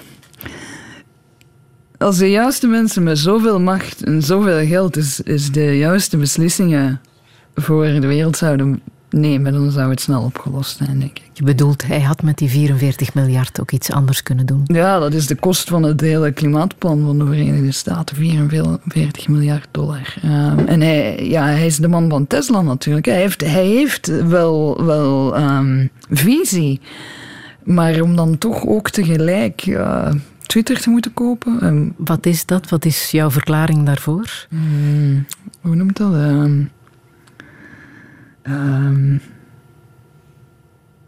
Ik ben even het woord kwijt. Ehm, De stilte zegt ook al veel. drang om zich te profileren, zeker profileerdrang. Ja. Ik kan mij niet anders voorstellen. Dat dat- Maar bijvoorbeeld, dat is ook... Ja, ik wil niet te veel over dat vrouw-man eh, eh, verschillen, maar, maar een heel mooi voorbeeld is, is ehm, eh, Mackenzie Scott, eh, de ex-vrouw van, van Jeff Bezos, de Amazon-baas. Eh, dus zij heeft de helft van, van zijn, eh, toen ze gescheiden zijn, heeft zij de helft van zijn, of hun eh, kapitaal gekregen. En zij heeft in, in 2021 6 bil- miljard weggegeven aan, aan een hele race man aan goede doelen. Dat doet ze elk jaar. Die hebben zoveel geld dat ze 6 miljard per jaar kan weggeven dat ze het dan nog amper merkt. En Jeff Bezos in de plaats eh, vindt het nodig om in de ruimte iets te gaan doen. Dus ehm, ik, ik, eh, er is een heel mooie uitspraak die zegt: Nothing bad happens when women have money. Ehm, vrouwen, er zijn natuurlijk biologische verschillen tussen vrouwen en mannen. Eh, vrouwen hebben meer gemeenschapszin en als vrouwen dan meer geld hebben, dan stroomt er ook meer geld eh, naar die gemeenschap. Mm. Wat jou ook kwaad maakt, is de hele abortuskwestie die nu ook in Amerika weer woedt. hè? Roe v. Wade, ja. Ehm, het is echt achteruitgang. Het is echt letterlijk achteruitgang. Ehm, dingen die... Verwonderlijk voor de Verenigde Staten of helemaal niet? Goh. Het is ook het land dat een zwarte president verkozen heeft in 2008, toen, toen, daar toen dat hier in België bijvoorbeeld. Het, is ook een heel, ook het heeft ook de mogelijkheid om een heel progressief land te zijn. En dan krijg je, dan krijg je Trump daarna natuurlijk. En dan krijg je dit, de Trump die dan eh, de kans heeft gekregen om drie opperrechters aan te duiden. Ah, wat mij aan het land verbaast mij nog altijd op bijna dagelijkse basis. Maar wat mij vooral verbaast is dat daar toen Trump verkozen was en toen bijvoorbeeld ook eh, January 6th gebeurde. Dat, en dat hij dan maar al die opperrechters kon aanduiden. Dat er geen systeem is dat hem verplichtte om zijn eh, belastingaangifte te doen. Dat hem verplichtte om dat, dat zijn kinderen niet tegelijk ook nog eens geld konden verdienen aan het feit dat ze de zonen en dochters van de president waren. Dat er geen systeem in de plaats is dat dit soort dingen eh, niet toelaat. Dat was allemaal. Daar, was, daar was niks tegen te doen, leek het. Eh, ongelooflijk vind ik dat. En, en het, ja, misschien ben ik daar dan altijd naïef in geweest, maar de fragiliteit van, van democratie is wel heel duidelijk geworden. altijd. Trump mag terug op Twitter als het aan eh, Elon Musk ligt. Maar het hoeft niet meer. Hè. Hij heeft ondertussen zijn eigen kanaal. Wordt daar zwaar over gediscussieerd? Is dat voelbaar? Eh, Eh, niet echt, maar ik, het, is, het is in de VS ook zo. ehm, ik woon in Tucson, ehm, een universiteitsstadje, een blauw eiland in een redelijk rode staat. En dat, is, dat zijn ook echt twee. Die, die scheiding is redelijk tussen de Republikeinen en de Democraten. Is redelijk, eh, die polarisering is, is ook fysiek. Ik ken weinig mensen die, die, die Republikeins zijn. Buiten ja, mijn buren misschien wel of zoiets, maar niet mensen met wie ik dan in het is een goed gesprek heb, zeg maar. Ehm, dus, dus... Ik, weet- ik Ik voel de moedeloosheid. Goh, Ja. soms wel, ja. ja. Ah. Wanneer de Noordzee koppig breekt aan hoge duinen en witte vlakken schuin uiteenslaan op de kruinen, wanneer de Norse vloed beugt aan een zwart basalt en over dijken duin de grijze nevel valt. Wanneer bij op het strand woest is als een woestijn en natte westenwinden gieren van venijn, dan vecht mijn land, mijn vlakke land. Wanneer de regen daalt op straten, pleinen, perken, op dak en torenspits van hemelopen kerken, die in dit vlakke land de enige bergen zijn. Wanneer onder de wolken mensen dwergen zijn, wanneer de dagen gaan in domme regelmaat en de oostenwind het land nog vlakker slaat, dan wacht mijn land mijn vlakke land. Wanneer de lage lucht vlak over het water scheert, wanneer de lage lucht onze nederigheid leert, wanneer de lage lucht er grijs als slijsteen is, wanneer de lage lucht er vaal als keileeuw is, wanneer de noordenwind de vlakte wanneer de noordenwind onze adem steelt, dan kraakt mijn land, mijn vlakke land. Wanneer de schelde blinkt in zuidelijke zon en elke Vlaamse vrouw flaneert in zonjapon. Wanneer de eerste spin zijn lentewebben beweeft of dampende het veld in juli zonlicht beeft. Wanneer de zuidenwind er schatert door het kraan. Wanneer de zuidenwind er jubelt langs de baan. Dan juicht mijn land, mijn vlak land. Jacques Brel en Mijn vlakke land, Valérie Trouet. De vraag dringt zich op natuurlijk. Hè. Kom je ooit terug naar jouw vlakke land? Ehm, eh, heeft mijn moeder eh, u opgebeld? Nog niet, maar ik verwacht een telefoontje. Goh, ik, ehm, ik ben niet goed in, in voorspellingen maken. Het is, eh, het is, ik denk dat de voorbije jaren ons getoond hebben wat voor een volatiele, in wat voor een ehm, volatile wereld wij, wij leven. Hoe, hoe snel de dingen kunnen veranderen. Ehm, maar voorlopig ehm, ben ik blij om, kijk ik uit om, om in dezelfde plaats als, eh, als mijn lief te wonen. Ehm, ja, we nemen één, jaar met een keer. Ja. Ah, wat zou je echt nog willen in het leven? Goh, ja, ik zou nog wel eens een boek willen schrijven. Maar eh, moet ik toch minstens wachten tot mijn volgende sabbatical. maar ik vond het eigenlijk heel fijn om te doen. En natuurlijk de reacties. En eh, dat krijg je niet als je paper schrijft. Mensen die, die e-mails sturen. Hoe, Ja. hoe, hoe graag ze je, je boek gelezen hebben.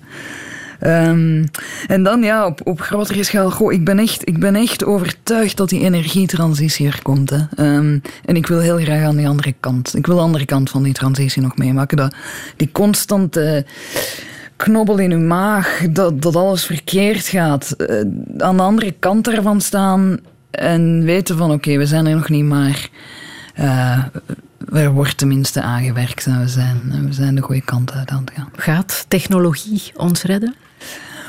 Ja, redden, Dat kan niet meer. Dat kan niet meer. Ik bedoel, de, helpen. Die, ja, ons helpen. Maar Ja, technologie, ehm, dat is ook eh, betere windmolens, be- betere elektriciteitsnetten, eh, betere zon- zonnepanelen, betere batterijen. De- ja, eh, natuurlijk. En, en volgens mij kan dat ontzettend snel gaan. Ook niet een keer dat de economie en de technologie in dezelfde richting en in, in de richting van de transitie gaan, dan, dan denk ik wel dat daar eh, snel vooruitgang kan gemaakt En worden. betere politieke beslissingen. Of politieke Sneller. beslissingen te koer. Ik denk Snellere dat dat eh, snellere beslissingen, ja. Ja. Welke boodschap zou jij hier nog willen meegeven? Goh. ehm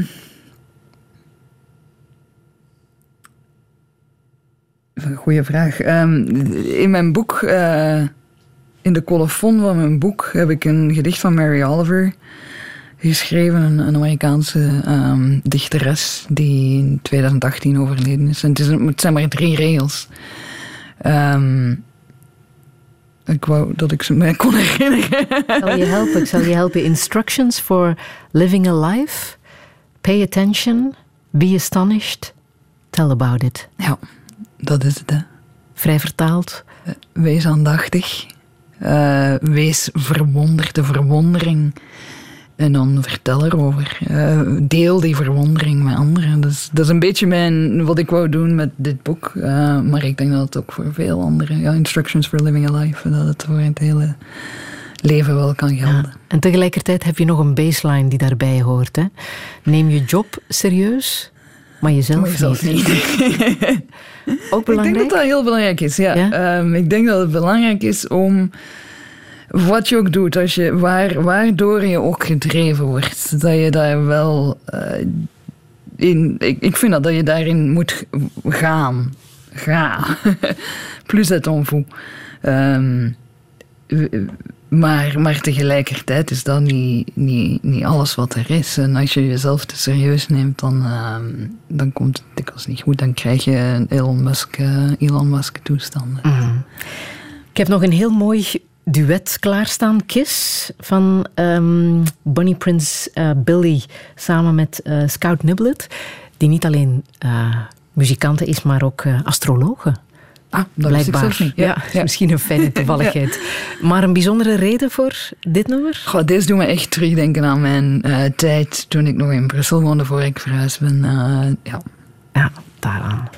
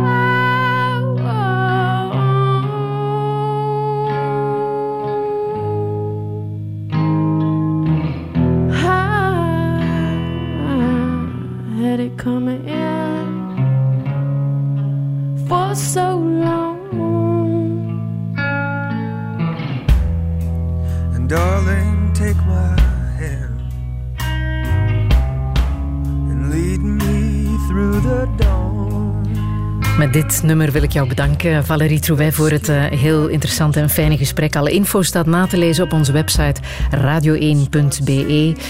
Neem jezelf eh, niet te serieus, maar je vak wel. Ik zal het eh, onthouden. Goede les voor iedereen.